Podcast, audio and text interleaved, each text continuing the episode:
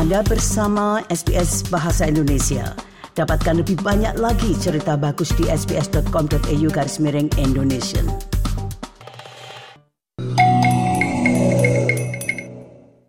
SBS. SBS. SBS. SBS. SBS SBS Radio. Nah, Anda bersama SBS Audio Program Bahasa Indonesia. Saya Sridin, pemandu acara untuk siang hari ini. Selanjutnya kami akan sampaikan yaitu topik tentang kebutuhan dana untuk layanan kesehatan mental yang dirangkum oleh Bapak Riki Kusumo berikut ini. Royal Australian College of General Practitioners mengatakan dibutuhkan lebih banyak dana untuk membantu menangani pasien yang mengalami masalah dengan kesehatan mental. Hal itu terjadi menjelang konferensi besar dunia pada bulan Oktober yang akan membahas solusi mengenai bagaimana dokter umum dapat memberikan layanan kesehatan mental yang terbaik. Berikut ini laporan tentang hal itu yang disusun oleh Ciara Hain untuk SBS News. Pada bulan Oktober, Sydney akan menjadi tuan rumah konferensi besar dunia medis. Diselenggarakan oleh Royal Australian College of General Practitioners, konferensi ini akan menampilkan lebih dari 800 representasi dan lokakarya mengenai isu-isu yang dihadapi dokter, termasuk kesehatan mental. Psikiater dan profesor kesehatan mental remaja Patrick McGorry mengatakan satu permasalahan sudah terlihat jelas, yaitu layanan kesehatan mental. We're in a situation where only 50% of Australians have access to mental health care when they need it. It's often delayed and uh, access blocked. And the quality of that mental health care is, is, is well below what we should expect in, in a rich first world country like Australia, if we compare it to, say, cancer care. Dilaporkan satu dari lima orang dewasa Australia mengalami penyakit mental setiap tahunnya dan banyak yang bergantung pada dokter umum setempat untuk mendapatkan dukungan. Graham Cowan adalah direktur dari Dewan Pendiri RUOK Day. In the vast majority of cases, they're the first point that someone will speak to.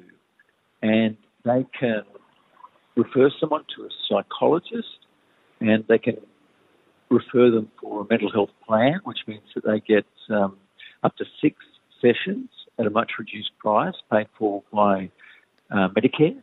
And the other critical role they play is being able to help someone to discuss and make sense of conflicting.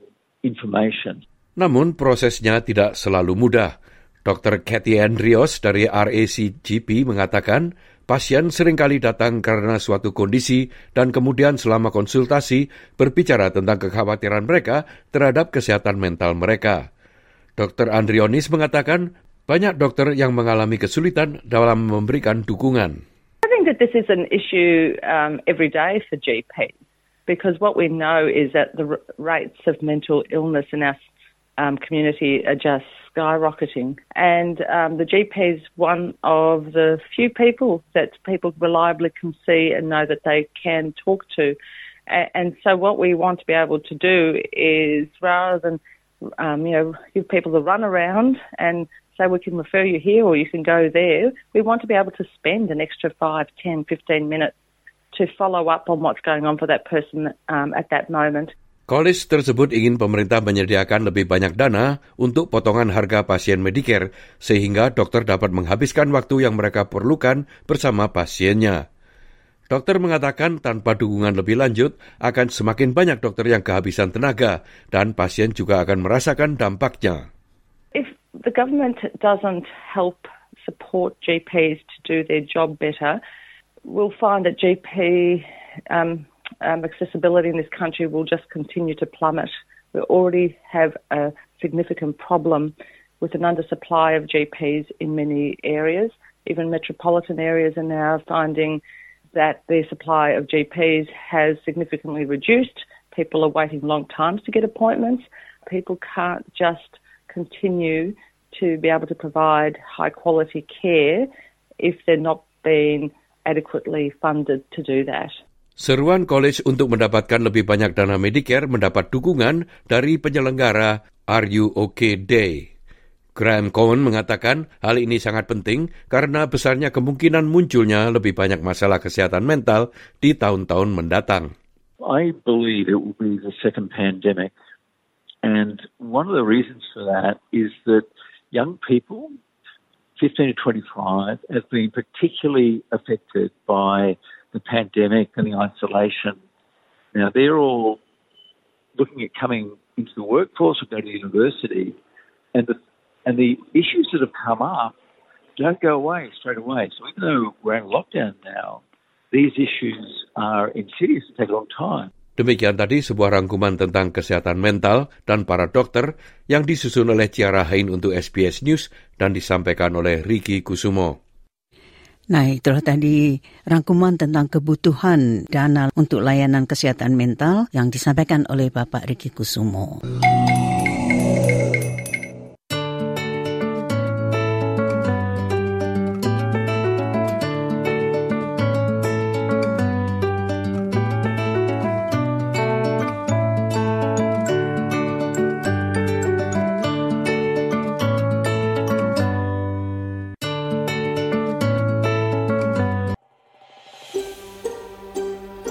Sukai, berbagi, komentar. Ikuti SBS program Bahasa Indonesia di Facebook.